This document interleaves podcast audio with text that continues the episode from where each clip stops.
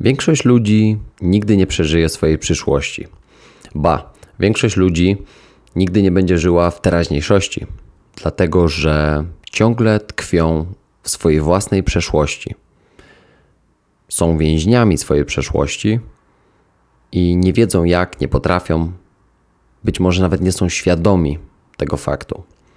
Czy zgodziłbyś się z tym? Czy zgodziłabyś się ze stwierdzeniem, że większość ludzi tkwi w schematach, w jakichś blokadach, kotwicach z przeszłości?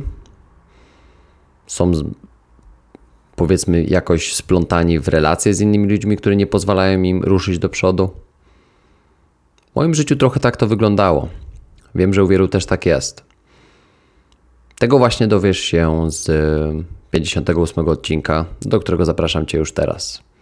Będzie to odcinek prywatny, mój, ale ciekawy. Cześć, nazywam się Mateusz Brela i witam Cię w podcaście Champions Way.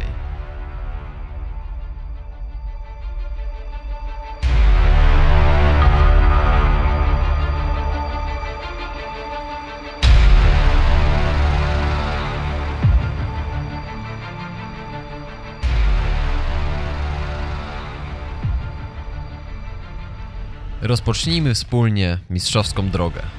Zapraszam Cię do podróży.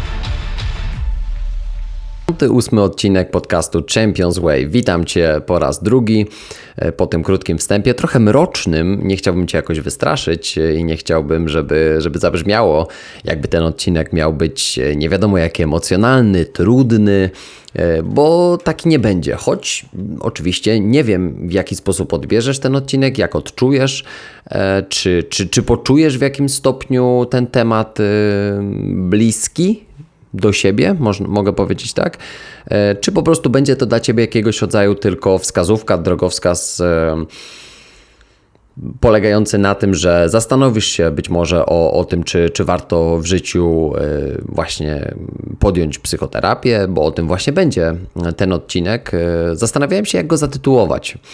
W tym momencie, jak go nagrywam, jeszcze do końca nie jestem przekonany, bo pozwoliłem sobie na to, żeby ten tytuł odcinka pojawił się dopiero w momencie, kiedy skończę nagrywać. Na ten moment e, chciałbym, żeby ten odcinek dotyczył e, tego, jak żyć w teraźniejszości, jak uwolnić się od dogmatów przeszłości, jak być tu i teraz. Mało tego, jak stworzyć obraz swojej własnej przyszłości życiem, przede wszystkim stworzonym i wykreowanym przez siebie, a nie życiem, które będzie na przykład odwrotnością tego, co ktoś kiedyś zrobił, bo, bo będę o tym mówił w tym odcinku, nie tylko na swoim przykładzie, ale też na przykładach innych osób. I chciałbym również zawrzeć ważny kawałek w tym odcinku dotyczący wartości psychoterapii w życiu każdego człowieka. Więc jak widzisz, tutaj będą przewijały się te dwa główne wątki, e, czyli uwolnienie się od życia w przeszłości, bycie tu i teraz oraz kreowanie swojej własnej przyszłości, e, a nie życia innych ludzi, tak mówiąc najprościej, na razie mówię to tak bardzo e, ogólnie, ale przejdę od ogółu do szczegółu, także nie, nie, nie martw się, dojdziemy do, do konkretów. No i właśnie wartość psycho, psychoterapii w życiu każdego człowieka. Dlatego powiedziałem, że nie wiem jeszcze jak zatytułuję ten odcinek, ponieważ e, muszę zobaczyć, co tutaj będzie bardziej myślą przewodnią. Natomiast ty już wiesz, że te dwa główne wątki będziemy będziemy łączyć razem. E, chciałem rozpocząć od tego, że mm, może od genezy powstania tego odcinka. Dlaczego powstał 58 odcinek podcastu Champions Way? No nie tylko dlatego, że jest środa i, i ten odcinek e, zawsze wychodzi w środę i coś musiało powstać, tylko dlatego, że ten temat jest mi, jest mi bardzo bliski. E, kiedyś byłem na szkoleniu i, i psycholog, który, który moderował i prowadził to, to, ten, ten, ten webinar, tą część akurat, powiedział takie, takie zdanie. A, zapomniałem powiedzieć rzeczywiście, że kawka i woda są ze mną, także żeby nie było, tradycja dotrzymana. Dzisiaj do kawki dodane e, grzybki czaga, także dzisiaj idziemy w antyoksydację, witalność i, e, i, i grzyb długowieczności. To tak na marginesie. Natomiast ten psycholog na szkoleniu powiedział takie ważne zdanie, które, które właśnie zostawiło, może nie, na mnie, nie zostawiło na mnie piętna, ale sprawiło, że po raz pierwszy w życiu zacząłem się nad tym zastanawiać. E, otóż on powiedział, że większość ludzi nigdy nie przeżyje swojego własnego życia. Zatrzymałem się na chwilę, cofnąłem i chciałem, żeby to powtórzył, żeby rozwinął ten temat, i, i, i, na szczęście było to na tyle ważne, że zaczął wchodzić w szczegóły tego, e, o co, o co mu chodziło.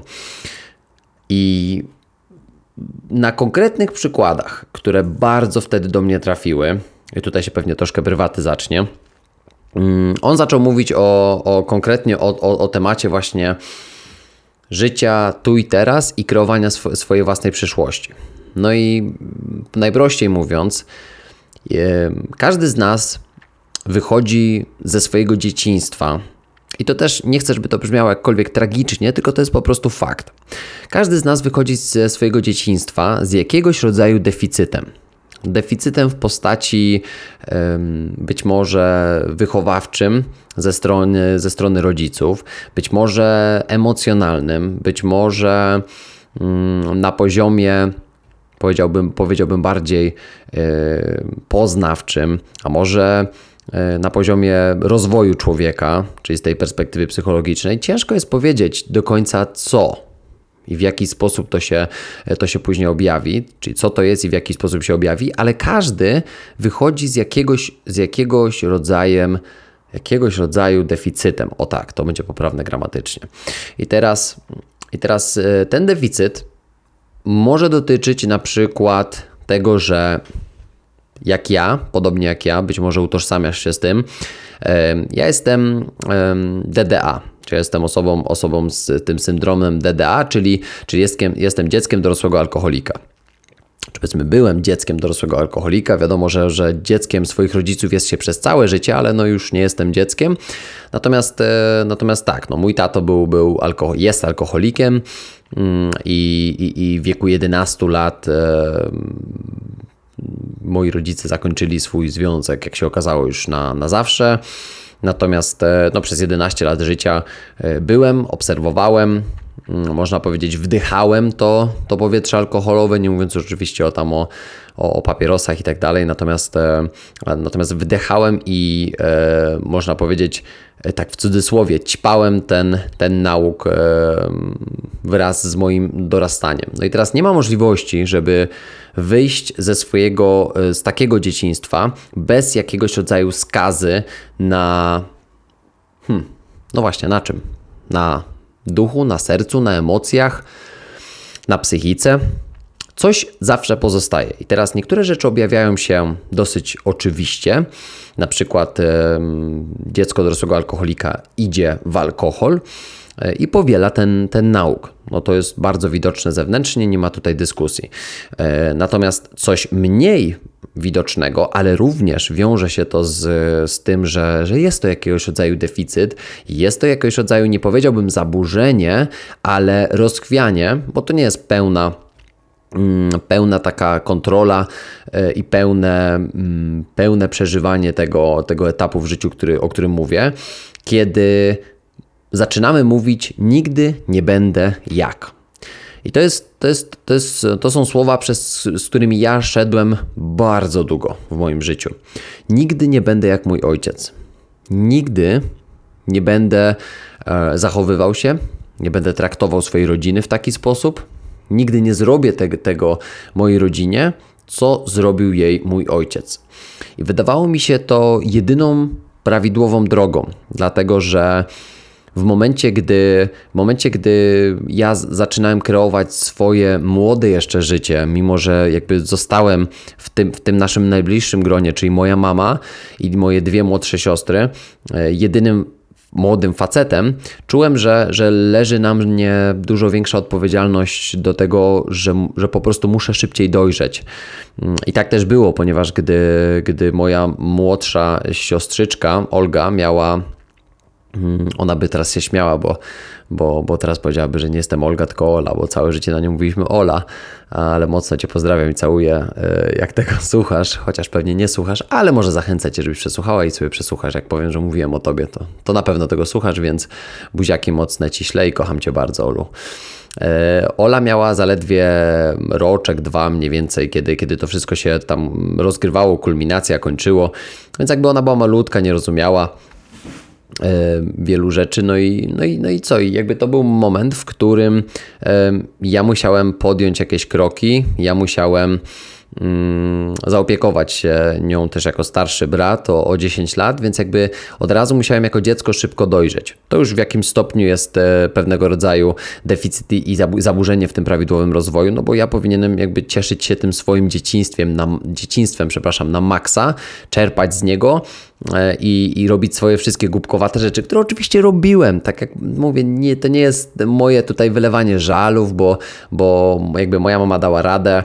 E, jesteśmy, jesteśmy wspaniałymi ludźmi, tak o nas mówię. Mówię tutaj o, o sobie, o siostrach, o, o właśnie mamie.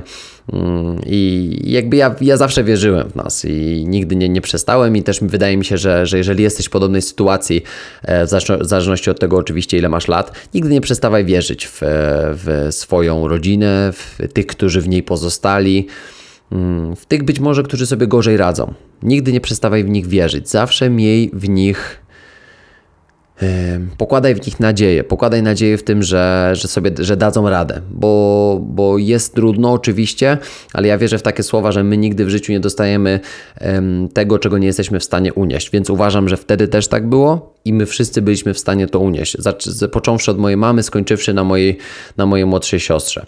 Daliśmy radę. Natomiast Nieubłagalnie takie rzeczy pozostawiają pewnego rodzaju deficyty. Wraca, wracam jeszcze raz i powtarzam to samo. E, I e, idąc przed, przez życie, ja, sta, ja teraz stawałem się oczywiście coraz bardziej dojrzały i zawsze miałem w głowie oczywiście to po pierwsze, nie chcę być jak mój ojciec, nigdy nie będę tykał alkoholu, nie będę miał żadnej styczności e, z tym. Udowodnię, że ja jestem inny i że mnie nie jest potrzebny alkohol do, do, do życia i że ja jestem w stanie stworzyć przepiękny e, świat, robiąc wszystko na odwrót e, w porównaniu do, do, do mojego ojca. Do tego oczywiście doszedł jeszcze sport, który, który uprawiałem od dzieciństwa, e, a od siódmego, nie, przepraszam, dziesiątego roku życia, e, tak, od dziesiątego roku życia już uczęszczałem do, do Korony Kielce, do, do, do tych najmłodszych grup, jeszcze wtedy naborowych, jakichś tam trampkarzy czy tam orlików e, i, i to był taki okres właśnie dla mnie formatywny, natomiast ja oczywiście zawsze wiedziałem, że, że sport nie idzie w parze z no, żadnymi używkami, więc jakby no to było w ogóle poza, poza schematem dla mnie.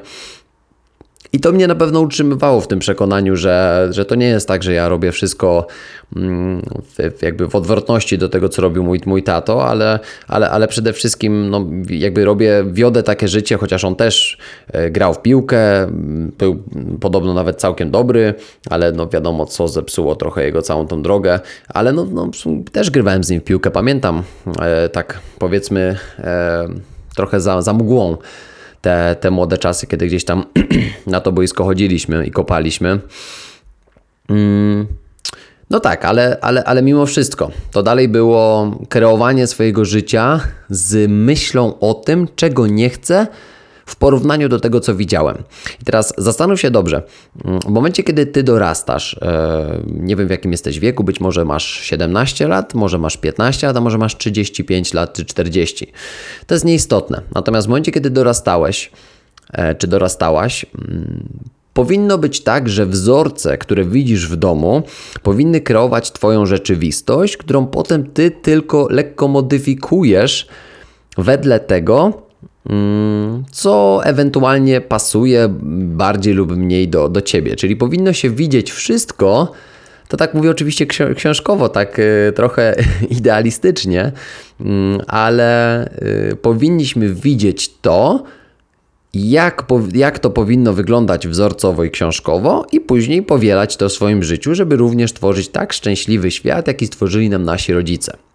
Natomiast wyobraź sobie, że osoba sprasowana przez swoich rodziców, to słowo sprasowana jest tutaj słowo kluczem, dlatego że, że e, będę mówił również o, o takich bardzo formatywnych warsztatach e, pod tytułem Męskość, na których byłem i spędziłem tam dużo czasu z Jackiem Masłowskim, psychologiem zajmującym się głównie sprawami mężczyzn, twórcą, twórcą Fundacji Maskulinum, która, która właśnie przede wszystkim zajmuje się tym, żeby pomóc mężczyznom odzyskać siebie, odzyskać męskość i zrozumieć w ogóle, czym jest męskość. Opowiem troszeczkę o tych warsztatach, e, jak dojdę do tego kolejnego takiego etapu mojego formatywnego. Mm. E, to powinniśmy właśnie, na przykład, my faceci, powinniśmy mieć bardzo jasną definicję męskości, przekazaną e, w spuściźnie od naszego taty, który dostał to od swojego taty, który był tym obdarzony przez swojego tatę. Więc to powinien być generalnie taki łańcuch, e, który, który po prostu z każdym kolejnym pokoleniem dopina kolejną szlówkę. I to powinno być tak płynne, jak, jak wygląda taki łańcuch, który, który można powiedzieć niczym nie różni e, się, przepraszam, e, w którym te szlówki połączone ze sobą niczym nie różnią się od poprzednich. Wręcz być może są jeszcze lepsze, jeszcze nowsze, jeszcze bardziej oszlifowane. Natomiast dobrze wiemy, że my zostaliśmy wychowani przez ludzi, którzy zostali wychowani przez swoich ludzi, którzy zostali wychowani przez swoich ludzi. Czyli moi rodzice w jakiś sposób sprasowali mnie, prasowali mnie swoim, swoimi technikami, swoim żelazkiem na swojej desce, które umówmy się nie były doskonałe. Moi rodzice na przykład są z czasów e, tak naj, naj, naj, najbardziej, które odcisnęły piętno, to prawdopodobnie mm, to są czasy e, stanu wojennego, to są cza, czasy komunizmu w Polsce. E, i mogę powiedzieć pewnie, że no takie czasy 23 lata po wojnie, kiedy moja mama się urodziła, e, no to takie, no to, no to są dalej czasy powojenne, ale chodzi nawet o to, co robili jej rodzice, co robili rodzice jej rodziców. To już są pokolenia, które e, były w samym środku pierwszej i drugiej wojny światowej.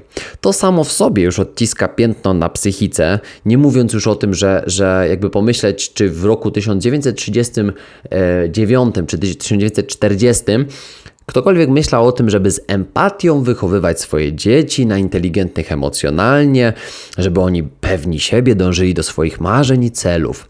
No jak? Najechani z jednej przez Niemców, z drugiej przez Rosjanów.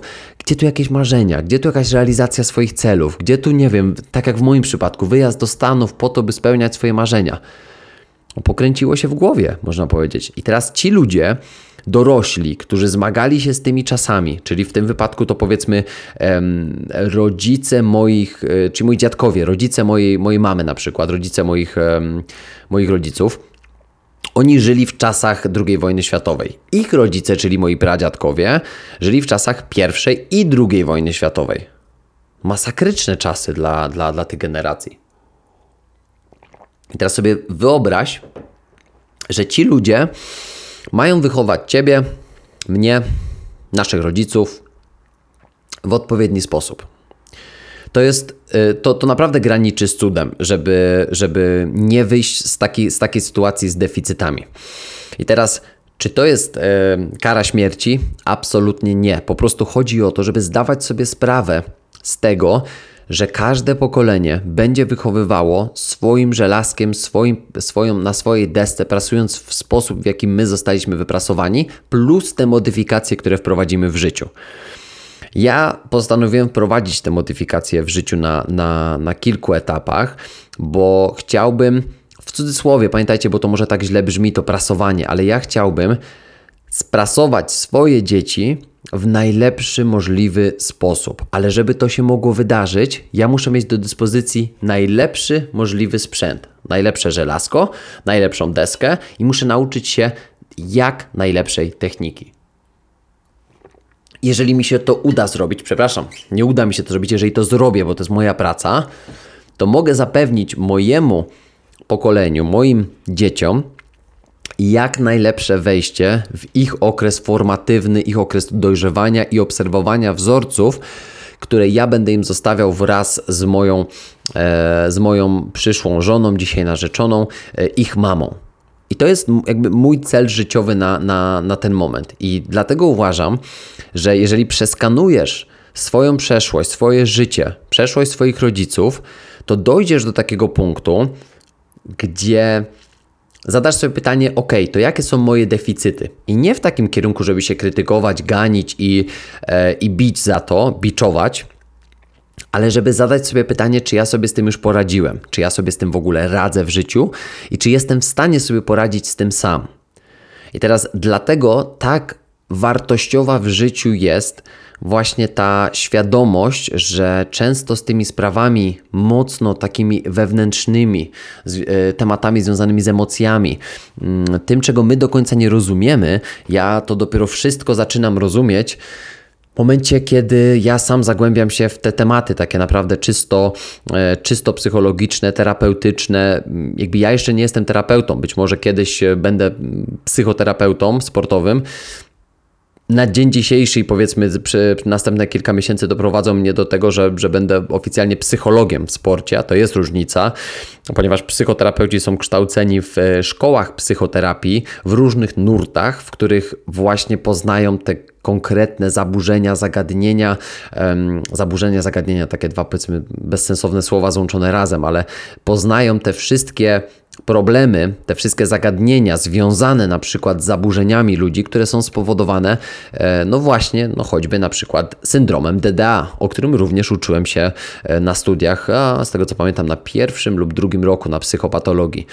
Więc jakby ja poznawałem też to wszystko od podszewki, od strony teoretycznej, co, co, co jeszcze bardziej skłaniało mnie do tego, abym to ja zagłębił się tak naprawdę finalnie w swoją przeszłość. I to się wydarzyło, to zaczęło się dziać mniej więcej od 2018 roku. Więc zwróć uwagę na to, że, że dopiero ja 26-letni, 6-letni zrozumiałem, jaką siłę i jaką e, moc ma przeszłość, która oddziałuje i wraca w jakiś sposób. I teraz do tego na pewno były mi potrzebne odpowiednie e, osoby, odpowiednie zasoby również na, na, na tej drodze, bo nieświadoma niekompetencja oznacza, że ja nie wiem, że nie wiem.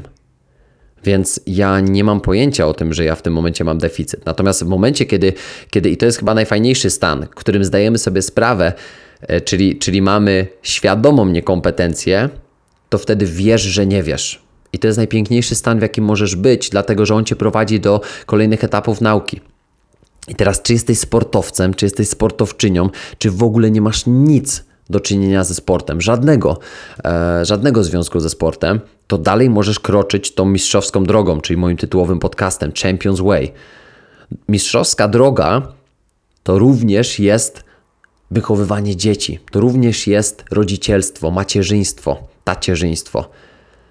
To jest dla mnie kroczenie po mistrzowskiej drodze, czyli patrzenie na siebie i zastanawianie się, ile jeszcze mam pracy do zrobienia. Mnie to wręcz onieśmiela, ile jeszcze pracy mogę wykonać nad sobą, patrząc tylko na ostatnie e, 3 lata z hakiem. Jakby, jakby spojrzeć na to wszystko, co się wokół, wokół mnie działo. Więc ja dotarłem do takiego momentu, kiedy zdałem sobie sprawę i było takie, aha, okej, okay czy czegoś mi tu brakuje, czy jest jakieś niedopełnione miejsce, bo to, bo to wszystko w moim życiu wyglądało w taki sposób, że jeżeli ja jakby zdawałem sobie sprawę z tego, że okej, okay, dobra, nie, nie widziałem tam mojego taty powiedzmy, nie wiem, 7-8 lat, on tam ma jakoś tam gdzieś te kontakty ze mną, w sumie mnie to nie jest potrzebne do niczego, czy potrzebuję w życiu ojca? No nie do końca, no to znaczy, że wszystko jest okej. Okay sayonara, możemy lecieć dalej z życiem, jest ok. Ale ja dalej żyłem z tym przeświadczeniem e, w moim życiu, że no ja wszystko co robię to muszę stworzyć e, w przeciwieństwie do tego co zrobił mój ojciec, bo on to nic nie zrobił. Wszystko zniszczył. Wydawało mi się w pewnym momencie, że jak mu wybaczyłem i nie mówiłem o nim źle, bo nie mówię nigdy o nim źle, bo uważam, że że też jest jakby bardzo nieszczęśliwym człowiekiem, więc jakby moje dobijanie go jeszcze e, tutaj jakby nic kompletnie nie wnosi, natomiast też go nie usprawiedliwiam, żebyś dobrze widział tą różnicę pomiędzy przebaczeniem, zrozumieniem, ale nigdy nie usprawiedliwianiem, bo pamiętaj, że każdy, nawet w tych najtrudniejszych czasach, kiedy miał to żelazko i tą deskę e, przy sobie, miał to w ręce, miał do podjęcia decyzję. Czy będę prasował tak jak se wiem, tak jak se umiem, czy spróbuję zrobić wszystko, żeby nauczyć się prasować jak najlepiej tylko mogę. Każdy z nas ma ten wybór. Więc to nie chodzi o to, żeby dawać usprawiedliwienia, że oj, bo oni to mieli ciężko, bo, bo mój ojciec to miał ojca alkoholika, e, babcia w sumie nie ma nic do gadania, e, ich było trzech, wychowywali się w domu alkoholowym, potem wszyscy we, trze, we trzej e, bracia poszli w alkohol. No, no ciężkie życie, no, no, no trzeba zrozumieć. Nie, nie, nie trzeba zrozumieć, bo trzeba spojrzeć na to z perspektywy wyboru.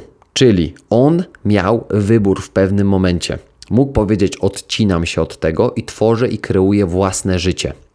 Nauk oczywiście utrudnia to wszystko, bo ciężko jest żyć z, z nałogiem, szczególnie alkoholowym, no, do którego jest naprawdę ciężko. Ciężko, ciężko jest e, uwolnić się od niego. Trzeba z nim żyć do końca życia. Trzeba naprawdę mieć niesamowicie silną wolę, której on nie miał. Nie miał, nie ma i prawdopodobnie mieć nie będzie.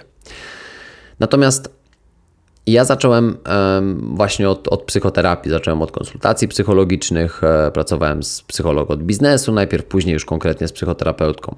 I właśnie oni nakreślili mi to, że, że moje poczucie własnej wartości mm, łączy się z tym, że no właśnie, nigdy go Nigdy nie zostało ono zbudowane na silnym, nienaruszalnym fundamencie. Zawsze ono było chwiejne, bo, bo są takie teorie, że za poczucie własnej wartości odpowiada osoba taty.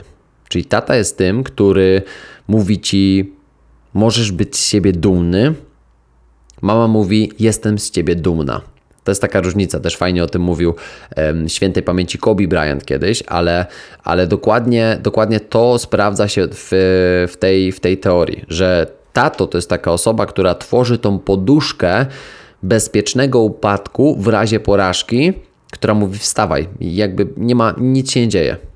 To jest to, co kiedyś mówiłem, to już też w innych odcinkach podcastu, ale to jest, to jest ta osoba, która która mm, powiedziała Kobiemu Bryantowi, czyli jego tata, czy ty rzucisz 0 punktów, czy ty rzucisz 60 punktów, ja i tak będę cię kochał. Niezależnie od tego, jakie ty masz wyniki, twoje poczucie własnej wartości zawsze jest na topie. Dla mnie. Dla mnie jesteś na pierwszym miejscu synem, a dopiero potem koszykarzem.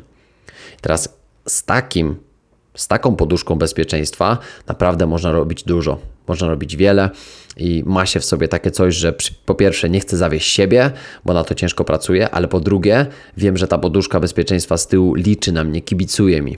Tak? I wtedy z takim kroczeniem po swoje, mając w głowie to, że, że ja wiem o tym, że jak mi nie wyjdzie, to i tak będzie ze mnie dumny, ale wolę rzucić 60 i sprawić, żeby był ze mnie ultra dumny. Tak? Więc to jest, to jest też ta różnica. Ja się dowiedziałem, że u mnie tego fundamentu nie było zbudowanego, tak? czyli ja starałem się jakoś go budować e, na tyle, ile wiedziałem. Natomiast, e, no wiadomo, też są też te takie formatywne lata 12, 15, 12, 16, mniej więcej, kiedy szuka się wszystkiego. Jest potrzeba oczywiście przynależenia do grupy. Stąd też moje problemy prawdopodobnie gdzieś w wieku gimnazjalnym, bo ja na siłę chciałem przynależeć do, do wszystkich możliwych, najważniejszych grup jakichś tam e, społecznych, czy to z kolegami w koronie, czy gdzieś tam. No i często wynikały z tego właśnie takie takie problemy, że po prostu no, no jakby ja byłem takim trochę przydupasem i, i latałem i, i próbowałem być kolegami ze, z, z, kolegą ze wszystkimi, tak? A to jakby to też nie jest łatwe być takim, który ciągle szuka, ciągle chce, chce przynależeć. Sam pamiętam siebie i, i byłem mega wkurzający, więc czasami to nawet nie, dziwi, nie, dziwi, nie dziwię się, patrząc na siebie z y, czasów gimnazjalnych, że ktoś mnie mógł nie lubić. Naprawdę, chyba ja bym się też sam wtedy nie lubił. Um, ale nie wiedziałem le, nic, nic, nic lepszego. Taki miałem charakter, też taki, taki temperament. Um, jakoś to później oczywiście y, to jest z nastawieniem na jakość to wyszło, w sensie jakoś to się rozwinęło. Jakby ja nigdy nie miałem też problemów z dojrzałością, e, nigdy nie miałem problemu z tym, żeby podejmować właśnie takie świadome, dojrzałe decyzje. Natomiast ciągle szedłem z tą perspektywą takiej niewiedzy o tym poczuciu własnej wartości, o emocjach, o budowaniu swojego życia na, na fundamencie nie własnym, tylko, tylko kogoś. E, no właśnie, ale nie zostało to przekazane. Nie zostało mi to dalej um, po, powiedziane, więc skąd miałem wiedzieć? Po raz kolejny, to nie jest jakieś usprawiedliwienie, to jakieś alibi, prawda, czy coś, tylko po prostu, po prostu stwierdzam fakt, e, dochodząc do jakiegoś takiego momentu 25-6 roku, roku życia, bo wujek, e, którego, mój chrzestny, którego bardzo kocham i też dziękuję mu za, za to wszelkie wsparcie i, mm, i on też w pewnym momencie chciał tak mocno przejmować tą rolę, prawda, taty. Mm, czasem pewnie trochę za bardzo, ale, ale on robił znowu wszystko, co tylko mógł, prawda, żeby, e, żeby mnie utrzymać e, jako taki, jako mój ojciec chrzestny. Jestem mu za to naprawdę nie, dozgonnie wdzięczny. Natomiast wujek nie zastąpi taty. Wspierający dziadziuś nie zastąpi taty. Nikt nie zastąpi taty. Kropka. Ojczym nie zastąpi taty. Może nam zapewnić piękne życie. Ja ojczyma nigdy nie miałem oczywiście, ale może nam zapewnić piękne życie, ale, ale to nie jest tata. To nie jest, to nie jest ta osoba. Więc jakby trzeba sobie zdać sprawę z tego, że jeżeli tobie się dzisiaj wydaje, że nie, no nie ma we mnie żadnego deficytu, jest wszystko dobrze, zresztą on mi nigdy nie był potrzebny i tak dalej, mm, gdzieś za to możesz beknąć, tak mówiąc potocznie, może brzydko trochę. I warto się zastanowić, gdzie. W moim przypadku to było właśnie kreowanie mojego, kreowanie mojego życia jako zrobię wszystko nie tak jak mój tata. Będę zupełnie przeciwieństwem mojego taty. Nigdy nie będę jak mój tata. I tego dopiero dowiedziałem się, kiedy pojechałem na warsztaty męskość do psychologa, psychoterapeuty Jacka Masłowskiego, który e, to w gronie było nas 13 mężczyzn, jak się okazało, ja byłem w tym towarzystwie najmłodszy. Spędziliśmy ze sobą um, upojny weekend.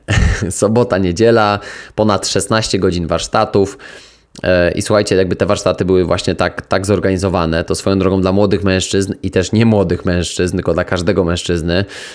Fundacja Maskulinum robi przepiękną robotę, przepiękną pracę w kontekście właśnie kreowania tego tematu męskości wśród, wśród mężczyzn. Nawet mieliśmy taki pomysł z Jackiem, bo, bo Jacek gdzieś mocno się też zainteresował tym, tym tematem dalej. E, być może kiedyś po, popracujemy nad tym, bo, bo na razie to odroczyliśmy w czasie, ze względu też na ten czas pandemii, bo już w zeszłym roku chcieliśmy bardzo mocno ruszyć z takimi warsztatami pod tytułem Męskość dla młodych mężczyzn, młodych sportowców, który ja byłbym zaangażowany ja. Także, także Jacek gdzieś dostrzegł też we mnie to, że mógłbym, mógłbym tutaj e, jakby pociągnąć ten, ten temat e, męskości. Myślę, że do tematu na pewno wrócimy, bo ja zobaczyłem moc tego u siebie w życiu, zobaczyłem też siłę tego u innych mężczyzn, ale zobaczyłem też kilka smutnych obrazków, bo było kilka osób takich po 40 na tych warsztatach i widać było, że oni są na bardzo wczesnym etapie tej pracy, o której właśnie ja tutaj mówię, czyli, czyli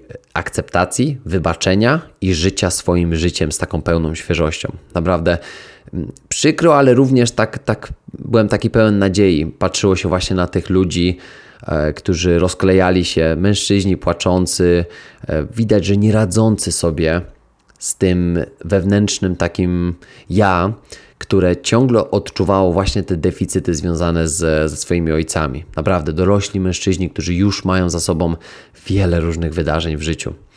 I tak miałem w pewnym momencie takie, mm, taką samorealizację, że naprawdę jestem wdzięczny za to, że ja tutaj jestem teraz, a nie na przykład za 10 lat, kiedy już jedno małżeństwo mi się nie udało, mam trójkę dzieci i jestem w drugim, z drugą żoną, już mam jedno dziecko, to oczywiście nie ma nic z tym złego, tylko chodzi o to, że ja się cieszę, że, że, że dla mnie dosyć późno wydawało się, a jednak w porównaniu do, do mężczyzn, których tam spotkałem, nie chcę się oczywiście porównywać, ale chodzi o to, że to wcześniej, bo ja byłem najmłodszy na tych warsztatach, był ze mną mój, mój, e, mój dobry przyjaciel Łukasz, który, który jest ode mnie o dwa lata starszy i my byliśmy takimi właśnie tam powiedzmy naj, najmłodszymi uczestnikami tych warsztatów.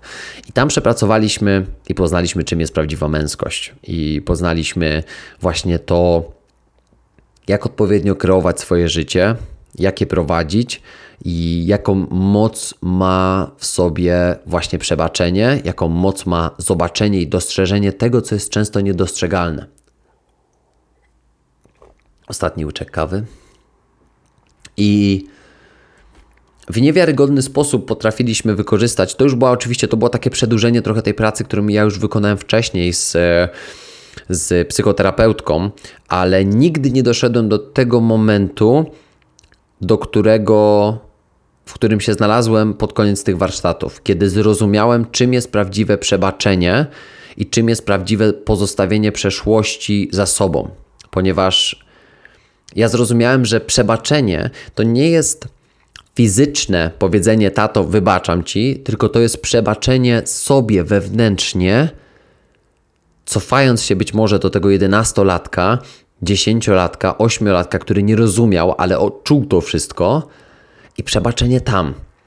Po, powrót do piętnastolatka, który to wszystko widział, słyszał i może czegoś mu brakowało, mówię tutaj być może o tobie, i przebaczenie na tamtym etapie. Czyli pozostawienie tamtego etapu, gdzie jego miejsce. Wręcz to może jest taka podróż do tego dziesięciolatka, złapanie go za rękę, położenie mu dłoni na ramię i powiedzenie: Stary, spokojnie, damy radę. Damy radę. Albo dziewczyno, głowa do góry. Naprawdę jesteśmy w fajnym miejscu teraz. Idź, działaj i pamiętaj, że z głową w górze zrobimy to razem. I to, to na tym to polegało w jakim stopniu. Że nie żeby zabierać tamtą osobę i uciekać, tylko żeby iść, dać to ciepło, przytulić i powiedzieć: przebacz, zostaw. Spokojnie, dojdziemy do naprawdę mocnego punktu w naszym życiu. I ta podróż kosztowała mnie oczywiście dużo, ale ona była potrzebna. Ona była czymś wyjątkowym, bo po raz pierwszy w swoim życiu cieszę się, że to wszystko się wydarzyło przed 30, bo naprawdę czuję, że jeszcze bardzo dużo się może wydarzyć. Nie mówię, że to już jest etap zakończony. Etap, jak to mówił Jacek, nawet zaleczania, zaleczania i rozdrapywania często świeżych ran, czyli ten etap później gojenia się tych ran może trwać latami. Możemy trafić na sytuację, w której coś nas tak mocno przytłoczy, że nawet tego nie wiemy, że jakieś różne były takie nas, w nas zasoby. I ja również jestem na to gotowy, że gdyby kiedykolwiek doszło do takiej sytuacji, to ja będę wiedział, jak się, jak się przytulić, jak się, jak się, jak się powiedziałbym, bardziej właśnie otulić takim, e, takim płaszczem ochronnym, który, który pomoże mi przejść przez ten moment. Natomiast na dzisiaj jakby wiem, że stoję na dwóch nogach. Wcześniej stałem na jednej. Wydawało mi się, że jestem bardzo silny, ale chwiałem się przy, przy najmniejszych y, sytuacjach, które wymagały wtedy właśnie postawienia drugiej nogi i powiedzenia: dawaj, dawaj, niech ten krzyż się na mnie przewróci, ja go złapię. Na jednej nodze cięż, cięż, ciężko to było zrobić i zazwyczaj się przewracaliśmy razem. I dowiedziałem się, jaka jest moc tego przebaczenia wewnętrznego, ale dowiedziałem się też, jaka jest moc. Hmm, w takim oficjalnym powiedzeniu, otwartym powiedzeniu sobie, że to wszystko, co mi zrobiłeś na przykład, było nie okej, okay, bo przez to kreowałem coś, co nazywałem swoim życiem.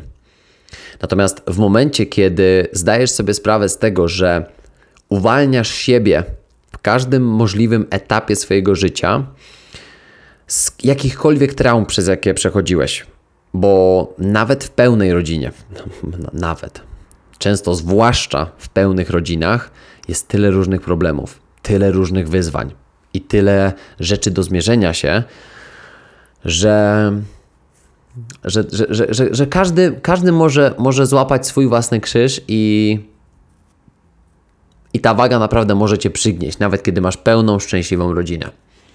Bo są inne rzeczy, z którymi się być może zmagasz. I kwestia najważniejsza to jest stanięcie w tym miejscu, w którym jesteś. Bo tak jak powiedziałem, mm, podjąłem wiele kroków po, po tych warsztatach. Nie zostawiłem tego czysto te, tylko czysto w czystej teorii, tylko podjąłem dalsze kroki, które miały na celu właśnie pozwolenie mi na wejście w nowy etap mojego życia i pozostawienie właśnie tego, tego hasła przewodniego nie będę jak, tam, gdzie tego miejsce, czyli w przeszłości. I nie pamiętam, kiedy, kiedy, kiedy, kiedy był taki moment, y, ostatnio przynajmniej, gdy pomyślałem właśnie o tym, że, że, że na przykład coś robię albo coś zrobię, e, bo tak na przykład nigdy nie zrobił mój, mój, mój tato. I to mnie napawa oczywiście radością i nadzieją na, na przyszłość, bo jakby mogę powiedzieć, że, że to jest na pewno owoc też tej pracy właśnie warsztatowej w, w maskulinum, na warsztacie męskość. Ale to jest ta wewnętrzna podróż, którą też ja przebyłem przed, w trakcie i później po tym warsztacie. Bo tak jak powiedziałem, te kroki, które postawimy po takim przedsięwzięciu, są niesamowicie ważne. I później um, kolejne spotkania z psychoterapeutką, które były gdzieś tam właśnie w tym okresie, gdzie pamiętam, pandemia się rozpoczynała. W jakim stopniu na, nakierowały mnie i nastawiły na to, że są sfery, w których już naprawdę dobrze prosperuję. I są już mm, przestrzenie, w których to, co dwa lata temu um, było moją piętą achillesową, dzisiaj kreuje się na, na jedną z moich mocniejszych stron. I powiedziałbym, że taka jest właśnie siła i taką wartość ma w sobie praca psychoterapeutyczna, praca na takich warsztatach, praca rozwojowa, ale przede wszystkim praca z, z kimś, kto wie dokładnie, jak poprowadzić takie doświadczenie. No mało tego, jakby psychoterapeuta, jakim jest Jacek Masłowski. Możecie również wyszukać sobie, jest taki bardzo fajny, e, jeden z bardziej popularnych wykładów jego na, e, na YouTubie z, właśnie z Uniwersytetu SWPS w Warszawie. E, możecie wpisać sobie w, właśnie na YouTubie Jacek Masłowski, właśnie wykład, wykład o męskości SWPS i tam i wyskoczy. Także jest jakby fajnie można zobaczyć, kim jest Jacek, jak fajnie o tym wszystkim mówi, w jaki sposób potrafi mm, przekazać to, że jak poprawimy relacje męsko-męskie, to wszyscy na tym skorzystamy, łącznie z kobietami, bo to tak się wydaje, że często jakby Jacek mówił o tym, że oni często byli oceniani jako maskulinum, jako jakaś w ogóle sekta, która, która gdzieś tam, nie wiem, może, może zabiera zabiera mężczyzn od kobiet, czy tam tworzy jakiś w ogóle nowy ruch, e, jak to się mówi, taki, taki ruch macho, czy tam jakiś seksistowski, ale, ale nie, nie, to jest w drugą stronę raczej. To jest tak, że, że, że Jacek tak fajnie mówił, że kobito daj mi swojego faceta, a zobaczysz, że zrobię ci przysługę. Zobaczysz, że, że, że będziesz później zadowolona, będziesz dziękowała. I, e, I to nie chodzi oczywiście o to, że teraz kobiety mają w jakikolwiek sposób tam dziękować, prawda, za to, że, że tutaj Jacek cokolwiek zrobił, bo on jakby się śmiał, że to on, on nigdy nie wykonuje tej pracy, tylko to faceci, którzy przyjeżdżają, e, tą pracę wykonują. Ale, ale jest coś w tym, że, że ja jestem lepszym facetem dla, dla mojej narzeczonej. Ja, ja będę lepszym ojcem dla moich dzieci. Ja jestem lepszym synem, jestem lepszym bratem, przynajmniej przynajmniej tak mi się wydaje. E, bo to jest ta praca, którą my wykonujemy i ona zabiera od nas, a raczej jakby e, akceptujemy w sobie. To jest tak, że my nie walczymy tutaj z niczym. My wszystko akceptujemy, staramy się właśnie wybaczyć, staramy się przejść do kolejnego etapu i staramy się widzieć więcej. To jest też tutaj słowo klucz, czyli widzenie więcej, widzenie często tych nieuchwytnych spraw, które w jakim stopniu kiedyś być może nie miały aż takiego. Ale to aż dmuchnąłem w ten mikrofon. Mam nadzieję, że to nie było nieprzyjemne. to tworzy w nas właśnie taki, taki nowy rozdział, taką wręcz jakbyśmy domykali pewne, pewne etapy, ale to nie jest nowa książka, bo ten etap jest w nas, tylko że on jest naprawdę bardzo dobrze, bardzo dobrze zamknięty i zaleczony. I ta praca psychoterapeutyczna czyli praca z profesjonalistami, pozwala nam dotrzeć do tych sfer, które są nam często nieznane. Bo właśnie tak jak powiedziałem, najgorszy jakby etap, na jakim się możemy znaleźć, to jest nieświadoma niekompetencja. Czyli powtórzę raz jeszcze, nie wiem, że nie wiem. Jak dochodzisz do momentu, że wiesz, że nie wiesz, to jesteś naprawdę na fantastycznej drodze do tego, żeby się dowiedzieć. Bo ty już wiesz że chciałbyś się czegoś dowiedzieć. I stąd takie sytuacje, takie, takie doświadczenia, jak psychoterapia, właśnie, która. Bo nam się wydaje czasami, że, że my sobie jesteśmy w stanie poradzić ze wszystkim sami. Albo nam się wydaje, że my jesteśmy w stanie wykreować taką osobowość, na przykład, nie wiem, silnego faceta, który nie ma żadnych problemów albo który w fantastyczny sposób wspiera innych. Tylko często nie widzimy, ja już to dzisiaj widzę dużo wyraźniej. Patrzę na profile niektórych osób, e, które gdzieś tam bujnie rozwijają właśnie swoje, swoje kariery, widzę ten przekaz, mm, widzę nawet duże profile i, ten, i te, ta komunikacja jest po prostu tak mało wiarygodna dla mnie, bo ona tak jakby wywalała trochę problemy tych ludzi, mówiąc o tym, że to inni sobie z tym nie radzą. Ja wiem, że to może jest trudne takie do dostrzeżenia, natomiast jakby ja to widzę, ponieważ ja wiem, gdzie ja byłem wcześniej. Wiem, jaką, wiem, jaka, wiem ile mnie to kosztowało, żeby to dostrzec, natomiast wiem również, jak ciężka, ale wspaniała ta praca była, w której potrafiłem dostrzec to, zrobić coś z tym, zrobić coś z tym i zmienić. Uważam, że to jest krok do prawdziwej mądrości życiowej. Bo ja uważam, że pewnym siebie w życiu się staje, a nie się jest. Pewnym siebie się staje, ale nie trzeba ciągle tego pokazywać. I w momencie, kiedy człowiek patrzy na ciebie, czuje tą pewność siebie, czuje ten spokój i opanowanie w tobie, to on wie. A jak się patrzy na wielu ludzi wokół, no to właśnie przychodzi do głowy często właśnie takie zdanie jeju, ale by się tobie przydała psychoterapia ale by ci się przydało zajrzenie w swoje własne emocje, ale by ci się przydało zredefiniowanie męskości w swoim życiu, ale by ci się przydało zobaczenie jakby siebie w trochę bardziej bezbronnym środowisku i może zrozumienie, że, że na przykład nie musisz prawda, odgrywać jakiejś roli, bo to też coś takiego. Dla mnie to jest rola. W momencie, kiedy, kiedy tworzysz swoje życie i kreujesz je w sposób taki, nie będę jak mój ojciec, nie będę jak moja matka, nie będę robiła tak, nie będę robił tak, nie będę się zachowywała w taki sposób, to odgrywasz rolę w życiu. A chodzi o to, żebyśmy my byli głównymi aktorami i swojego życia i żebyśmy to my grali z dnia na dzień trochę pod taką batutą, jaka nam w danym momencie gra. Czyli planujemy oczywiście, wyznaczamy cele, jasna sprawa, dążymy do realizacji marzeń. Trzeba, Trzeba. Ale jeżeli ro y, robimy to ciągle pod batutą kogoś, kto nam wyznacza, jak musimy zagrać, żeby to dobrze brzmiało, bo wcześniej to źle brzmiało, czyli naprawiamy coś, co było wcześniej źle brzmiące, no to właśnie.